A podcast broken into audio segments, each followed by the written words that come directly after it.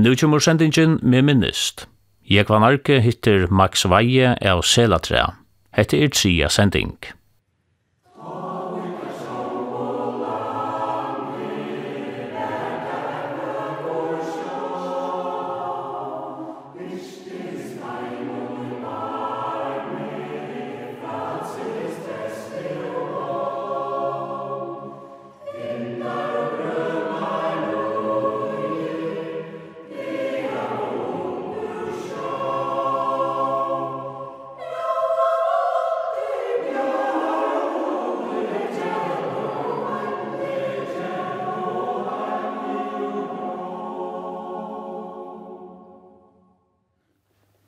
Fargrin var annars uh, som en forlangtur armor av Nordafær ui nok.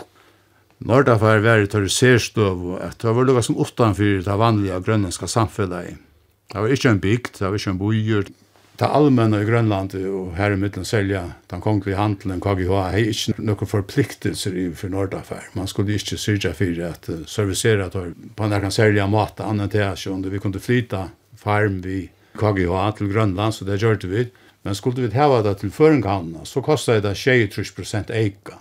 Annars var det så at KGH kort vi en førstun takste, kjøpte man eka ur utlandet, så kom det opp av plåss i Grønlandet for samme pris, oansett om det ble sendt til nok, eller til Tole, eller annan Norstalik, eller Skorsbysund, for hans skyld, så kostar det det samme. Men det som ble sendt til føringhavnene, det fikk vi bare til nok for den fasta prisen, Vil du ha det vi er det för en kan så kostar det 23 procent eik. Så det som Norda var gjort i ofte, var at ha sendte vørene til Faregryn, og i nok og så utvidar vi vidt en fast ny til för en kan vet du så sparte den ryck vi frakt på den måten. Og det er mäkt annet. Altså, Norda var hei jo bruk for hjelp ur nok alle tojorna. Det var sånn här bei teknisk og på alle måter som det hade bruk for at få hjelp ur huvudstaden. Så det tok vi dock av. Jeg tar imot danske skipene. Her var det Greenland og Fredrik Sørensen, tja Klaus Sørensen, som vi ombo av. Klaus Sørensen er jo en fabrikk i Nabasok. Og så var det Susian og Ocean Prawns, tja Birgir Petersen av Bornholm. Birgir Petersen, han var vi tullje tøyen i rettsvinnen i Grønlandet. Først i Altfjersen, og sammen med Jan Dam og Øren. Den første skipsjånen, det var så Susian. Og så bygde han sammen med Christian Jensen, Ocean Prawns, som kom i 1970, det var det veldig størst og moderna skip. Ocean Prawns og Røyen er en verensfyrtøk i det. Da det var fyra veldig større og, og framkommen skip i Kanada og til en milliarda fyrtøkker. Så var det Vilja Basse, til Ole Basse Mortensen, Øysten av Bornholm. Han var Øysten Nekvi og i bæg rætsefiskap og laksafiskap i Norra Atlantshavet.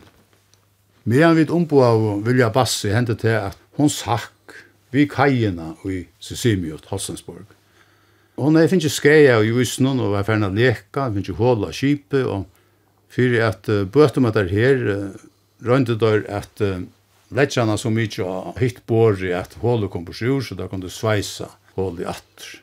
Men tar gjør fannig vei av, så hon tok sjekk vinn, og hon sakk ned i kajen her. Ole Basse Morsensen stod sjolver av kajin med han etter her hent. Da er det for råkna seg her. Så var det Jesper Belinda, en annan dansk kontrollare som Paul K. Stølbæk og tar i hans talmått. Vi dom var eisne nego ånder utländsk skip. Her var eisne risa større fransk kontrollare som er Finland, minnes det.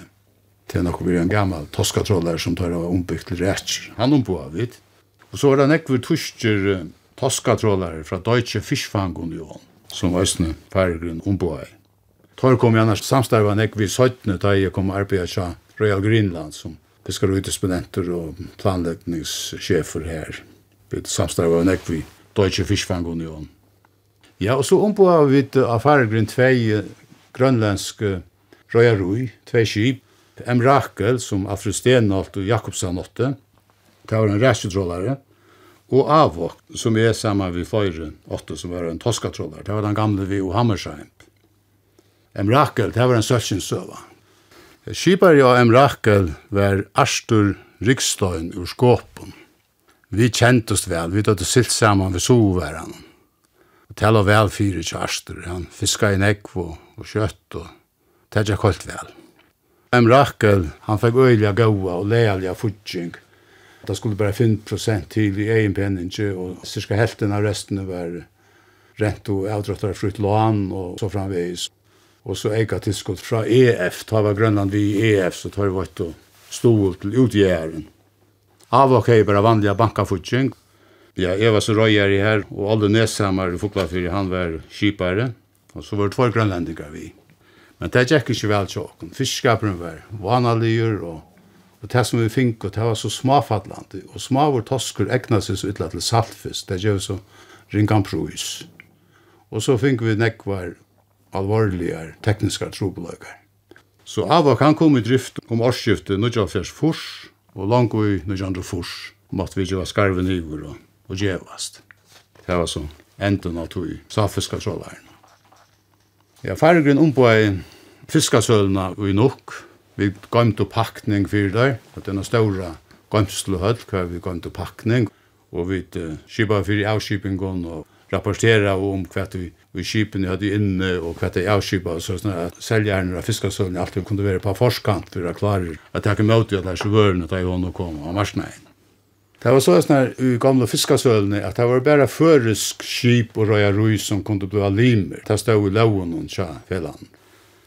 Øst undantak ble gjørst vid Nordaffær. 1895, ta var Nordaffær 100% av føresken hånd, Grønlandsfella i 80, allan parstapenningen. Så når det var slapp av limer i fiskasølen kjølt om det var et parstafella som var skraset i København og hei virksem i Grønland. Men ta hendte det i 17. parten av fjersen at nek grønlandsk røyrui, nudj grønlandsk røyrui, vente seg til okkon og til fiskasølna, til at jeg sjå fiskasølna som en fina samstarvspartner, at det er nu for å røyna seg vi egnon trålaren ute av åpnen heve, fiska og framløya rætsk. Så fyrir jeg kunne servicera og takka avvisar her i avbjøvingsene, så ståna i fiskasølan og et døtterfela som det kallar Faro Seafood Trading, som fiskasølan 8, og som på Tammatan var limer i fiskasøvne, og som kunne treita vi fyrirtøkker i øren London. Så grønneskir, trålarer og virkir kom jeg selja i djøgnon Faro Seafood Trading. Den første private grønneskir trålaren var Kasiot, som nekre føringar i nok åtte saman vi en grønlendinge og en danskare som bor her i nok. Han selte så i jøgnen farsi for trading og somløys emrakel og naturalik ur Sicilio Tostensborg. Og her var så ein en trålare tja Jens Salling, minnes det, ur Gåtown, ur Kekartarsuak, av diskoetne. En lytel ræsjetrålare. Jens Salling er en kjendur medover i Grønland i det. Nokkur var at han nå at han samstarva vi okkon før han oppi Polar Seafood, som er den nast størsta fyrirtøkande, eller kanskje den størsta, av løy som Royal Greenland, men Royal Greenland er allment pastafella. Polar Seafood er privat pastafella. Det er en milliarder fyrirtøkande som omsetter flere milliarder alltid. Det var um, Anders Brøns, og hans pavi ekede som ståna og Paula Skifot. har skjøttene for hans pavi ekede som på sjur, men Jens Salling kjepte seg inn i fyrtøkna, med den andre vi har leta sitt egna skip inn i fyrtøkna. Og så er det sånn vaksen denne fyrtøkna vi at fløyre sett jo i, og Paula Skifot kom så stedet råa iver en større part av tilføynsene, og særlig i rettjevinnene. Så vi ser mitt sjakken den dagen at uh, Hesten her, Gau Jens Salling, han vil råkna av fyrir Jeg var den rykaste maver i Grønland i det, og en den rykaste i rydsfjellesskapen. Det var også en visstjer av landet som selte i kjøkkenen for Sifo Treiting, og et fela i Arsuk i Solgrønlandet. Tøyr framløyte nekvann tosk, saltfisk, tøyr ville fein få fiskastøvna selja fyrir seg, og det var så gammal ui. Og somløys ein fyrduk oppi ui Illulusat Jakobshavn, som kallais fyrir Illulusat Fiskindustri, IFI, ta ivet tog et gammalt virke som var ferdig av knorran og basera så sin rakstor uppa rätjupilching og svarskalva. Og detta skulle så fiskaslagen hjälpa dem vi. Nu har vi några röntor i färgen fra rätjupilching. Hur vi ikke ta så at nu kommer et virke øyre. Men vi tatt så pilka rätjur i förengan i tvei år og svarskalva kjente vi til, og vi tatt oss nekkar likla personer i för syfot som kände nek till Grönlands med den andra versfeir på Johannes Zakariasen av Sonton, av Santia. Han har arbeidt i Grønland med en person av Løven som virkesleier rundt omkring på i Narsak og, og Nabasok og i Lodesat ja, og i Føringhavn. Så han kjente til alle til grønlandske framløst.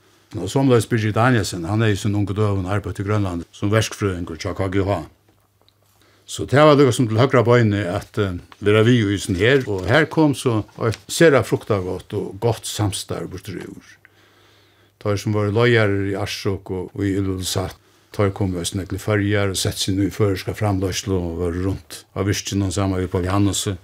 Knut Albrechtsen, Arsok, han var en hjemme i fargen og over Rossbakk, som var stjåre av Ululsat fiskindustri. Han var også landstingsmæver i Grønland i nekvar hans år. Men vi utvägar dem så men till att lägga framlösna till Rattus, Pöl Johannesvern är kvar uppe och Östny Olav Paulsen av Vansøyren som framan undan är i förenkampen som vi slöjer. Så det var en söksen söva vill jag säga. För båda parter. Grönlänningarna kom och väl igång och tjänte pengar och tägjer det færre sifot og færre sifot rating ösnen. Det var måste vinna. Näkra några millioner bæra til, for jeg skal jo i hevet att göra fra 48 til 1 fors Tar pengene som færre sig for trading vann i Grønlandet, tar blu investeret i det meste av det alltid i et størstlige prosjekt nere i Dakar og i Senegal. Det er ikke noe som atla til så en helt annen sjøva. Vi tar fargen om på en skjell i Grønlandet. Det var sånn at um, Nordafær i førengavnet hei gømslo av esso smirjeolje. Og det brukte nekver, men nekver brukte en skjell, så at uh, disse føreske trålærene og ærer som ville hava skjelloljer. Tar kunne så kjepa der fra okk. Vi ombo av fyrja skjell i Grønlandet, og vi la oss inne vi en nok så større gømslo av smyrjeolj og nok. Vi var i Østene og slags ombo fyrir en landstyr i Arivre. Da jeg da stunda jeg til fiskevenn samrøyengar, så hei alltid samband vi tøyr som starva oss til her, av fiskevinnstoven i landstyr, Gunnar Gunnarsson og Fløyre, Olavsson og, Hans-Jakob Kass var i Østene her i Natoi. Det som jeg hjalp om vi til var at utvida opplysningar om fiskeskapen i Grønlandet. Alt skip skulle boa fra hverja vik til, jeg halte var hverja vik, kanskje var kvendt det, til landshøvdingan i Grønlandet, som fra 1924 ble til Rujtjesombudsmannen. Jeg ble så hagtullene gjørt, og jeg kunne så få kopi av tøymon, og Øysten fikk av vita om, så han fylte vel vi og i fiskskapen river, og så at jeg kunne ja, hjálpa dem at vera up-to-date vi hva heter Jack Fyrs i Grønland. Jeg var østene, vi nevnte nu, ut i fyrsta røyarefellene her i AAK. Nå var det røyar i at tvøy med kipen ta en nygang. Det var også skjøtt at han var at uh, grønlendinger byrja og fiska rætjer vi som står og kipen og utan kjers at uh, ta kipa seg vi en røyarefella AAK og nevnte i fellan det var en fimmanna nevnt, her så du tvøyr grønlendingar. Det var over Rossing Olsen, en lakne i Sisimiut, og Sett Lyperst, Romanisok. Så var en danskare, Paul Brandt, og nok, handelsmauer her, og vi var så tvær føringar, Torsten Sørensen og Havn og jeg. Jeg minns vel, jeg halte av hver av jævlen i Nudjalfjers.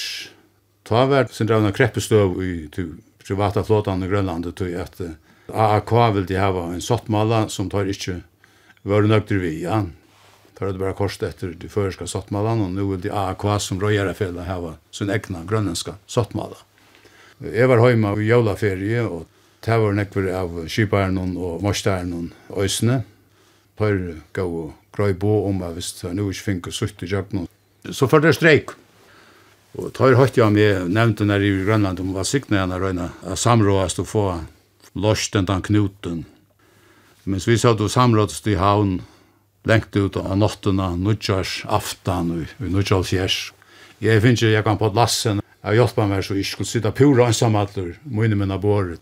Her satt en, en lengt rød av kyparen og morstaren, jeg kjente der fleste av dem, hine minna båret.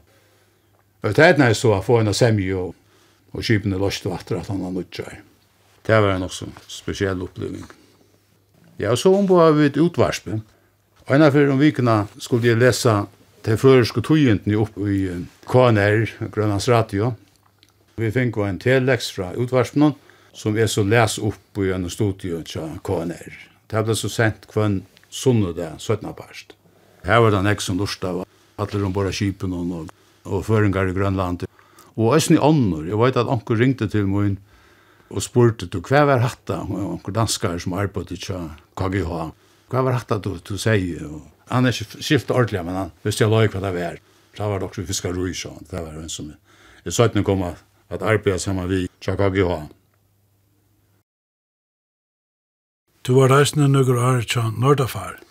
Ja, jeg var til Nordafar i tre år som stjør, annars kom en ekvær høysen fram og undan, som stjør i av Grønlandsfellet er åtte, tvei døtterfellet som virka i Grønlandet, Nordafær i Føringhannene og Færøgryn i nok, godt opp. Grønlandsfellet var et fellet som var stående i 1912. Det var færre løkting som 8-40 prosent, færre fiskasøla 8-40 prosent, og så var det tru imisk fagfele som 8 de sørste 20 prosentene. Det var færre røyerefelle, færre kjipare og navigatørfelle og færre fiskmannefelle. I 1903 ble fellet i Nordafær AS Stovna, som er et angstfela vid heimsteg i København. Øyarar av Nordafar var føringar, eller grønlandsfellet, vi 40 prosenten, normen, utrustning vi 40 prosenten, og så da danska fellet Asgriko, som åtte det sørste 20 prosentene. Fellet byrja i Suvisjemi i Føringhavnen i 1904 og Longo inn i jan øynetrus selte av skrik og sunnpast til uh, grønlandsfellet og utrustning, som så stad kom i at øya holdt trus prosent kvør i fellene. Og i 1975 kjøpte grønlandsfellet parsten til utrustning, så fra 75 og fram etter 8 føringar, Nordafar 100 prosent. Nordafar fyrir så av Knauranun i 1924, men annars hei fellet konsesjon på føringavna holdt fram til 1994. Jens Kanneberg ur Kvivuk hei vært stjauri av Nordafer i nokru år i halvfjersen Han hei vært nekvi i Grønlandet. Men om årsskiftet 88-90 gjørdest Kanneberg stjauri av Lynfrost i Ronavuk.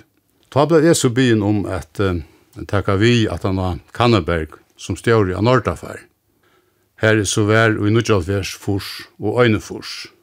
At rett Atreat stjórastarvnum i Farugrin, systerfellan og i Nok. Jeg var så den første stjåren i Nordafær som bo fast i Grønland. Han har skjøtt å i Førjon, etla, og i Danmark, og, og kanskje Norra, og, og så bare komme til Grønlands. Jeg var om sommer, kanskje. Ja, Jens Kanneberg, han var så her alltid da i, i, i framløsla vær. Men vandet var at her var en stationsløyere av støyene som heie avbyrdene av den rakstrene her om somrene. Min høyre hånd i Føringhavnet var Johan Johansen ur Kvivuk. Han var stationsløyere til årene i heivi Nordafor Agjera. Han kjente Nordafor ut og inn. Han er vært her i Nekv, Nekv Harrans og. Han er vært vidla bytja en større part av alt som her var. Baratjenar og nekva bygningene og kajene og med teia, vi vil la flyta ur gamle førenkavnen innan Hørtafær og så framvis Så han var med gauur, det skal han øya. Så var det virkesløyarer og i 1924 var det Magnus Beck, et fører, som bo i Sørvai Men i 1924 og Øynefors var det Olavur Poulsen, ur Vansøyren, som var virkesløyarer Tekniske løyere var Mutja Fjers og Fors, Paul Johansen ur Lorvvig, og under Jan Røynefors Hans Sørensen av Skala. Ja, de må lukka nevna Østene Kvarju Søtu, som nevnt er formauer og, og nastformauer. Formauer var Jakob Fredrik Øregård, han omboa i sjåan til Løktinge. Nastformauer Birgit Danielsen, fyrir fiskasølene. Men Øregård, han døy så knapplega, vi er nær fersel og vannlokko. Og at han og han blei det så Paul Jakob Olsen og Klaksvig som var nevnt der meg. Bøkaldere var Julius Sørensen. Bøkaldere var i havn og skrivstående til Grønlandsfellan. Her satt så Høyne av Trønne som stjåre i Grønlandsfellan. Og Høyne hei så høyne bøkaldere til Færugrin. Det var i Ruvistrånd. Det var så æsne at i 76 og 76 hei veri en stor framløsla av rætjon kaukaun og pilkaun rætjen. Det var i Kannebergsatøy. Men ta jeg så kvoten her, ble skorna nyer i 88, så hilde kipene seg ikke hava nokka av kvoter til æsne a forsvinna nordafær, så rætje framløsland, hon stega jo opp. Og ta var øyla lute virksem i føringhavnen i 8,5 Der tog og møter laks, det var det, en tru trus tans av laks, fink der til sommer. Men nu er ferdig prakta at vi torskjennom under Grønlandet. Så vi uh, avgjør at røyna i nødja fjers at uh, byrja en toska framløst og atter. Det er annars ikke veri nekka framløst av torsk i føringan så gjerne 5 fjers. Ta, ta vera synder, men ta så lydig at ta stegga i lop. Vi vanta og da rokna vi kanskje få en 500.000 tons av rafisku. Så jeg gikk tolja vel, men vi finket det dobbelt da. Ta i avtattna i tøyde vi finket 1408 tons av torsk, og tjejhaltrystans av laxi og suilon. Så vi var jo faktisk vel nøkter vi enda ned starsten. Vi søkte om og fikk og tver millioner og vi vedhalte fra løktingen og fyra kunne starste opp til året. Og vi kjøpte så en fletsmaskin og en flakamaskin. Den større torsken, han skår vi til saltfisk, flakto, og ta smarra for så vi flak. Det ble frist. Hetta gav okkur med til at uh, herja og atur i Nujandru Fors, og ta hadde vi møte på å klare okkur utan landskasa vi, altså vi søkte ikke, og, og vi klarer okkur nøysen til å være utan nekka, nekka vi halt. Ta finko ut oppa til mørtosk, vi finko 2330 tons av rafiske, og så finko vi et, uh, altså av røntgelsesroknon, og lakse, og suilon, så at det var ikke så galt. Da tre år, når han øyne fors, ta måtte vi så atter søkja til landstyr og løkning om vehalt, for 3 millioner, for at størst oppatter, og, og det finner vi litt. Men det ble heldig lekare vi fiske enn år framan undan. Vi fikk 1600 og 1,4 tons av rafiske, torske. Men så fikk vi 100 tons av lakse saltfisken selte vi for 8,4 millioner, og for laksen fikk vi 5,9, så det har hjulpet så øyelig vel. Grunden til at vi fikk oss med laks i Øynefors var han at uh, vi tatt og gjørst en avtale vi heimastyr i Grønlandet om at uh, sende et innhandlingsskip, kallar vi det, til Nabasok, at takk mot lakse. Det fikk vi nekvann laks her når i Nabasok-løyene, Og Klaus Sørensen, som hei haft fiskavist i Nabasok i Nekvnek og her, av en der grunn så, så var det ikke vel fyr at jeg kom ut, hvordan klarer det ikke at arbeid undan fra at vi som kom på land. Så vi ble bittner om å komme og hjelpe til, det gjør det vi. Vi løy av Vesterland, ur Høsvig, vi Daven i Bø, av Stronton som kipare, og Josvan Jakobsen av Stronton var morstere. Tøyre lødde seg så i nappa sokk at takke møte fisk, møte laks fra grønlandske fiskaren. Og tør fink og så, jeg minnes ikke akkurat hvor større en parst av snart andre tonsen, men hundra tons måtte det være, det er alltid. Tør klare av frista tjei åtta tons om døgnet. Og det var ofte andre fink og møyre enn til, så hvordan øyne for vi var der i føringhavn, og skip av en 30 tons av um, usavn, lakse som så ble innfrist av Nordafer. Så det er funnet vi i Vesterland. Og et annet som gjør seg galt under Jan Øyne Fors, var at vi fikk tvei grønlandsk saltfiskaskip at uh, letja vøyene opp i Førengaven av Nordafær. Det var Avok, gamle vi og Hammersheim, og Kangek, gamle Rensatinter, tvei sandavokskip. Kangek uh, åtte Meinar Djurus, Meinar Vigekv, Og jeg har fornæmt at avvåkt her så er og alle Neshammer ur Fuglafyre og Ingvar Høg ur Narsak og en Lennerst ur Sissimi og Tossansborg som Otto han. Hetta vi saltfisken fra avvåk og kangek, det gav nek eika arbeid i Nordafar, og det gjør det til at sesongen som vi kallar av, verstøyen i, i Førengavn, hon blei nek langt, det blei arbo til lengt ut av heste eller veteren. Det gamla vært her at um, da man kom ut i september måned, så søtte det der gamle fiskerne i førengane, da skulle man ikke bytla seg nekka inn. Da skulle man ikke råkna vi at få nekka særlig av fiske, så da gav oss der. Og så ble det ikke av i førengane, og følte for høym i i september, oktober. Men hette var det sånn øyne først, da ble var arbeid, du kan ut mot jævlen. Olav Paulsen, virkelig han fører ikke høym for en bøntar jævlen i sånn øyne først. Vi hadde ikke bare framløsle i førenkan. Vi hadde lukket som tvei bøyna stand da. Så når det var, det var fiska framløsland, og så var det utgjører tjeneste. Vi hadde nekva utgjør og nekva, nekva tjenester av støyene. Hun var øyla vel utgjør til at uh, servicera fiskeskipen. Av Nordafær var til dømes den øyneste saltsiløyen i Grønlandet.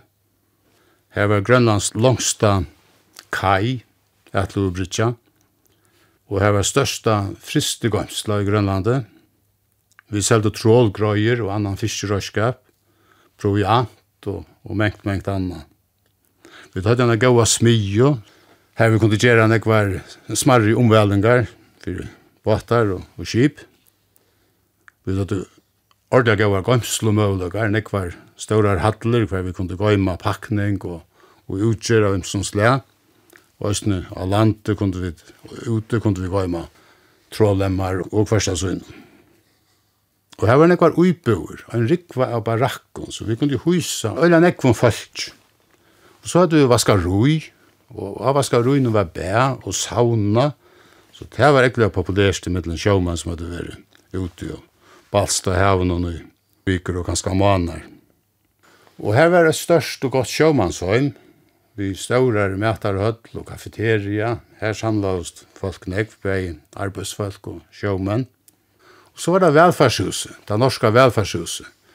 Det var også et veldig godt hus. Her var med annet en staurer til atersæler hver i velferdssjeferen som vi rett og viste film. Han var overfor å vise film. Det var ordentlig populært. Og et annet som vi gjør det for at uh, servicera skipene og båtene og også for å få av fisk og selja snelle fisk, som var den beste fiskeren. Det var at vi får et ombåa oilvind, snellene ur midvai. Jeg fikk Bjartna Johansen å komme iver at hitje på støvene og mette om, om utlitene, og han sa løste på det, og avgjørte jeg sendte en montør til førengavna til at hjelpe til vi at installera oljetrust og, og sneller ombora av baten. Og det var flere som finket seg oljetrust sneller fra Oilvind, Øysten større båtar og skip, med den andre skånarten Polarfisk, som tvær danskare ta åtta. Det var det skipet som uh, Jo Harry, Kotlafyri og Kai Algrimsson, og nu var jeg annars hadde åtta vi nøkker her. Så det gikk vel vi tog. Og som gikk minne vel, det var uh, samstarve vi KGH. Det var vel ikke glede for at det var ikke nær. Jeg hadde tømt domt jo ikke til at vi finner som ekta bra tid, som tar ikke finner bra tid. Jag har nevnt at vi frakten att vi skulle betala eika för att få vörr til föringarna. Ett land i Grönland betalte bara øyne frakt ur Danmark til Grönlands, men vi skulle betala 23% eika bara för att få henne ur Gotthab og ny til föringarna.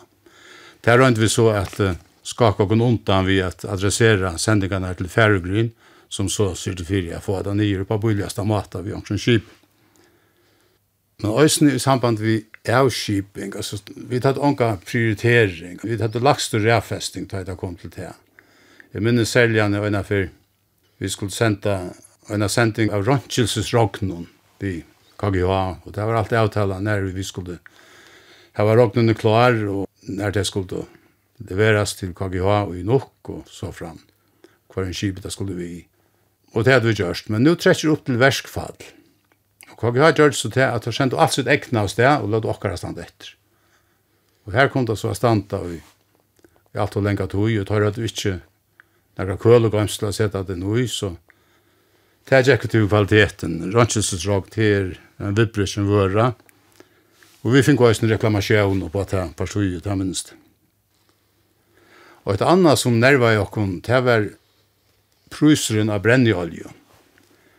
Det var så snar og er så snar enn i Grønland at Føringahavnen er høvus uh, gømsla fyrir alt Grønland. Her er det ståre tankaner, her ligger der inne vi gømslo til nekvar måneder fram, og så forsyna det resten av Grønland til Føringahavnen. Ståre skip kommer vi olje ur utlandet, det er opp i Føringahavnen, og så er det smarre tankarskip som sikler han av uger ur Føringahavnen ut av kustene. Men KGA hei så østene rymliga stora oljegamster bär ju nok och runt av Grönland. Men det som hände i Kvosurimunutøy, det var det at pruseren til KGH var alltid nekka lagri enn til Polaroil i føringan. Og dette var ikke så heppet til at det ikke er ikke bøgnløys tvørste møte båten til at landa i føringan, Det her var oljan dyrar. Men tar gjørs så til at tar fyllt seg tankan vel og vilja og andre fyrir, jo nok og så klara dörse så frasen där konto och gör så ganske rent når att det skulle köpa olje. Men detta føltes det som det kjeilet, og jeg minns jeg tog det flöjfnar opp vid stjårarna på Laröil. Han bor ju i Danmark och hej skrivs då men han kom så av och av selv om somrarna av Vitsjan. och undan första han till honom vart han at KGHs gømslur av olje, det var eldre enn det av Polarøy. Det var mer utskiftninger av Polarøy, men KGH la inn vi gamle og lagre, og da er så prysen hakka, og så slærte det skjøtar i jøkkenen i førengangen. Men det måtte være javna seg helt an, da er prysen for himvei. Men det javna seg så omgant i, i munnen tog, det var alltid hakster av Polarøy. Og et annet som vi kan nevne i samband med KGH, tar høttu seg her trålarene. Det var seks av tøymen, kallet manesok-typene. Stor og gauskip som fiska og tosk og, og rætjer og avrøyte til viskene fra KGH. Og det var som nesten bæra føringar som manna av til skipene og kvossur av brunne og, og i maskinrummet. Men om somrene her, ta var alltid gale vi innhandlingsstopp, kallar det det. Det ble så jaunan lust vi innhandlingsstopp i Grønlands Radio, tog at hei og fiskarene finko mest av torske, vi bokkøtten og selja, så klarar det ikke arbeid undan av flekavisjonen. Og hetta avskar i østene KGH-trålarna, så det hendte seg at høy ble dirigera i rundt fra øynene virke til annan, vi øynene kjatti her og øren her, så det var ikke noe selja skilag og drift av trålarna. Så vi skulle opp at vi kunne bare takke mot oss nir avlåsfisken, og vi hadde nok av kapasitet, vi kunne yngsta og nek mer enn det som vi fink. Men det sverre jeg ikke av ikke til. Men så minnes det at uh, jeg spurte en at når Lars Emil Johansen, som tar vær landstyrsmøver i fiskjøvende malen, vi bor bare i samme grannale, i, i Islandsdalen, og i, i Nok, og han var, han knar inn i gulvene og kommer og Jeg tar det ut ved noen uh, kåka jeg rætjer, det hadde han så vel. Det er jeg gav møllaker fire som om på ombudsmær for at det skipene. Så spurte Lars Emil, kan du ikke åra da vi kakk i ha om å lette okken få sinter av avloppsfiske fra trålaren? Det var akkurat men, det brente i ordlandet på at jeg hadde, det var slupp skjav i fisken. Jo, jo, det skulle han gjøre. Men fatt, ta, ta gjør det kjøtt av kakk i ha, og sendte nærkere trålare til Danmark skal ha verft, søtte det der. Så nu var ungen i kapacitet og knappt igjen. Så vi fikk jo ikke en størst fra KGH. Og som ble gjørst, og en røynt at bøta om Nordafersa image og ta velvils vid yngstjakon fra Grønlandskar Sjøye, ta var at øyeraskap i Nordafær bjøa og Grønlandikon tvær nevnta skjesser i felan. Så sånn at landstinget kunne velja øyn og nok kommuner Vi var jo parster av nok kommune, kunne velge øyn. Landstinget valgte Otto Stenholt ur Atasot. Vi halte han er kanskje gjørst det som det varstvis innanfor tjætju om fiskevinn i Grønlandet. Hvordan ble han valgte? Og kommunen valgte Loriangoak Kristiansen, vanlig å kalla over UK. Og Torvalds og Østny og en væralim fyrir OK, som var Peter Torupøg, borgmorstaren i nok kommun. Og som jeg gjør det fyrir at um, Røyna få amare fisk, det var et lysingar avtak. Jeg gjør en lysing, og sette han i bløyne, ake, at det var galt titt, og, og semissiak. Og her leie selger han denkt og etter her at Nordafar er stegi som ikke kjenner til innhandlingsstopp. Vi tar det omgående sett innhandlingsstopp onketøyne her, så avmarska vi vi at vi tok ikke det som var det vanlige, og det var ofte en vanlig fisker fra bakken av fiskerne, men det var omkant innhandlingsstekker til Nordafer. Og annars leie det da, alle sier tingene som jeg nevnte i Johanne, vi, alle man tjenesten som vi kunne vøyta, og i føringahavnene. Lysingen var en høy suja, og det var et klipp ur en sjøkost av føringahavnene, hver i Nordafer stenter av sjøkosten sammen med Polaroid og gamle førenkanen. Norda var, var det øyneste tyska virkje som var nevnt av en sjøkors i Grønland. Det er helt rykka i vel. Og dette hjalp. Det kom flere fyrste menn, Øystein lengvis fra Beier Sjokertoppen og Fiskanesen og Fredrikshop, Narsak, til Førengan, et avrøya. Det var nekve fiskere, altså. Grønlandene fiskar mest ved jollon, onker enda vi seklte hos. Men så var det større båtar, nummerbåtar og betre utrørarbåtar. Vi nødja nødja fjers og forsas, det var sånn ekkert fiskere, det var helt utrolig. Tar skilt og pendulfars jollunar ut av fiskanesbankan og inna landa og, og ut efter avrøyde fløyre om det Så det var det stått litt. Vi miste eina jollu. Det var en jollu ur sjuktoppen, tvar mans, Spurs ikke tru etter tar som att sätter vill det vara vi att det fyllt for när i jollen og at hon er sjöts. Da jeg sitter jo ju av gamle mynt under Grønlandet av føreskånd kan utröra batten. Hvordan jeg har fyllt og ytter, så, så fyrir som de heter under at han ikke har tøymon først. Det var helt utrolig, så jeg synes ikke. Det er som bare stokkeren og, og manna. Men her er så godt vevor, og det man helt gjør slipper rundt han har møtt en større kjipe, og på alt og nasis. Så gongt han, og det, det gikk så til bedre. Arbeidsmegin av Nordafar var blanta, det var føringar og grønlandingar. Og alt bo av støyene, og finko mæt av støyene, la, av sjømansøyene. Lønnen var etter grønlandsk konsortmala, det synte betre enn det, og heromframt finko öll frukt innevist og kost, som vi betalte fyrir av sjømansøyene. Det var ett aktivt jobb när vi kunde husa folk och och det kunde vara här och vi hade ända plats så vi kunde ta fiskemän in som avrådet lockar att jag kunde få ett ställe att vi för i gång och sånt. Så helt det sig här och, och avrådde till lockare. Som funnits här en ta märka i förengången. Mitt land är självor. Vi blev gift og finko tvær døtter medan vi bor i Grønlandet, nemlig Liljona, Unnitjan Nuttjalfjers og Anneko i Trujefors. Og som uh, vær ta og framvis er en større tropløg i Grønlandet til er brennevån. Det vil si at det er det største og ønstakka problemet som Grønland hever at reast vi. Og det var øyne problemer i uh, fjersen. Men så hendte det at den 1. mai 1924 at Grønland fær høymastøyre. Det gamla landsrøye var nyrlagt og i stegen kom det lovgjøvande landstinget den gamle landshøvdingeren og til embattet ble nylagt, og i stedet kom så en rujtjes ombudsmæver. Og etter første som uh, ta nøyvalda landstinget gjørte, var a kjipa for enn er folka etkvo om rustrekka, om mølaga for å sette en rasjoneringsordning i versk. Og det visste at det var det store møylutu fire, så fra august 1924 kom en uh, rustrekka rasjoneringsskipan i versk, og hon var faktisk i gildi lykka inntil april og i tvei og furs. Og hon kunde, som alle ræra skipaner, misbrukast, og til blei hon og gjennom av samon. Som er selte sunne rasjoneringsmestjer, eller en parste av døymon, av de svarsta marsnægnon.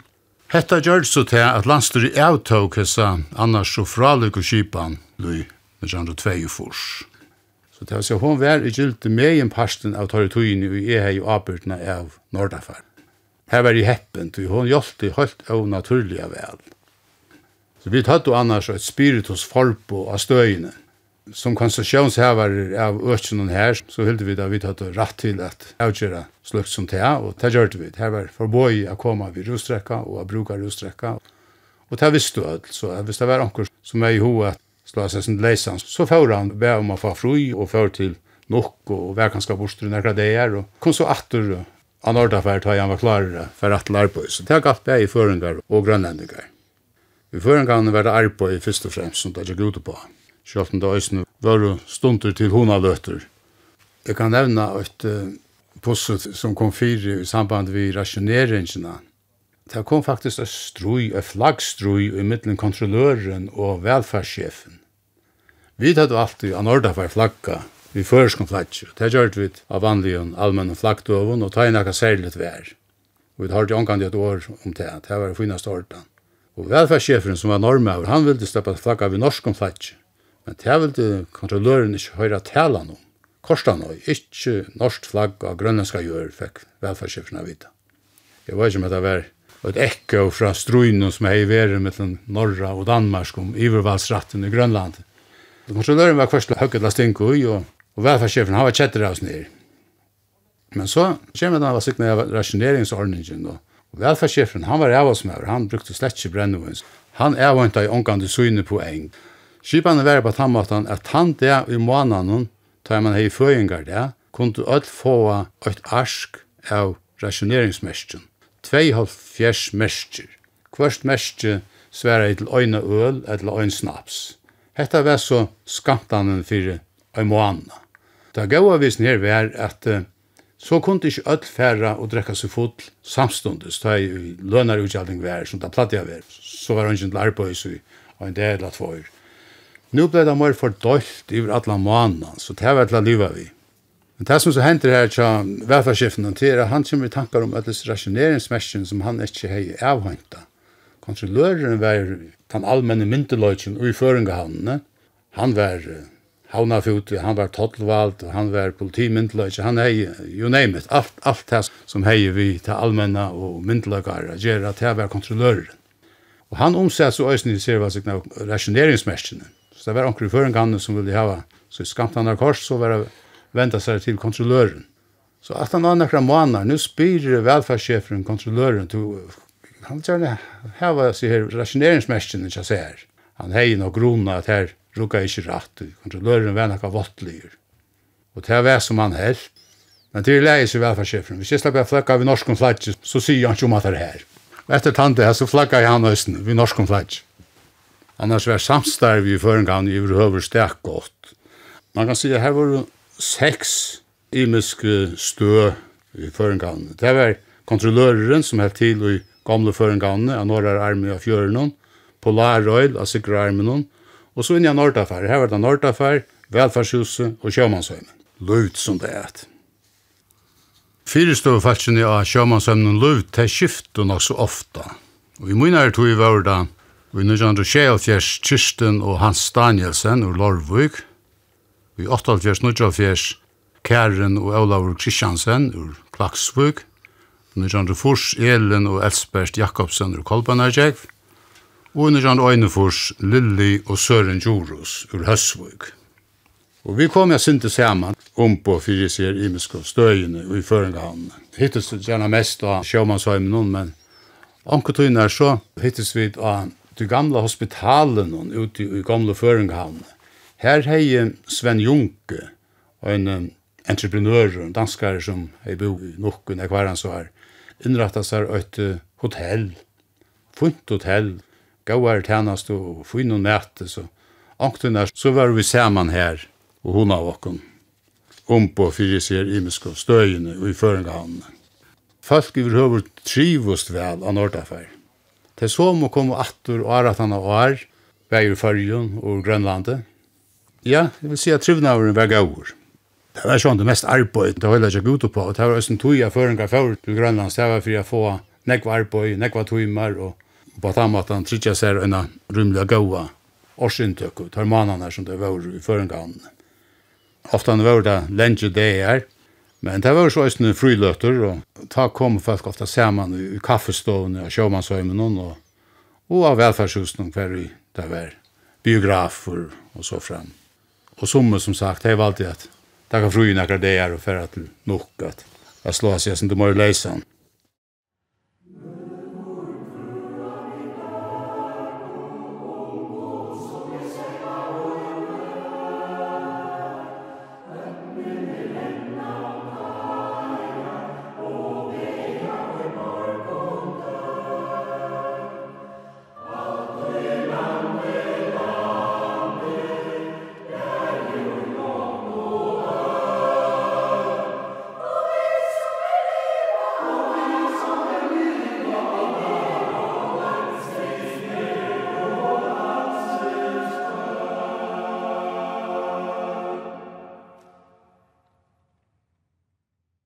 Hatta var sendingen med minnist. Jeg var narki hitte Max Veie av Selatrea. Hetta var tria sending.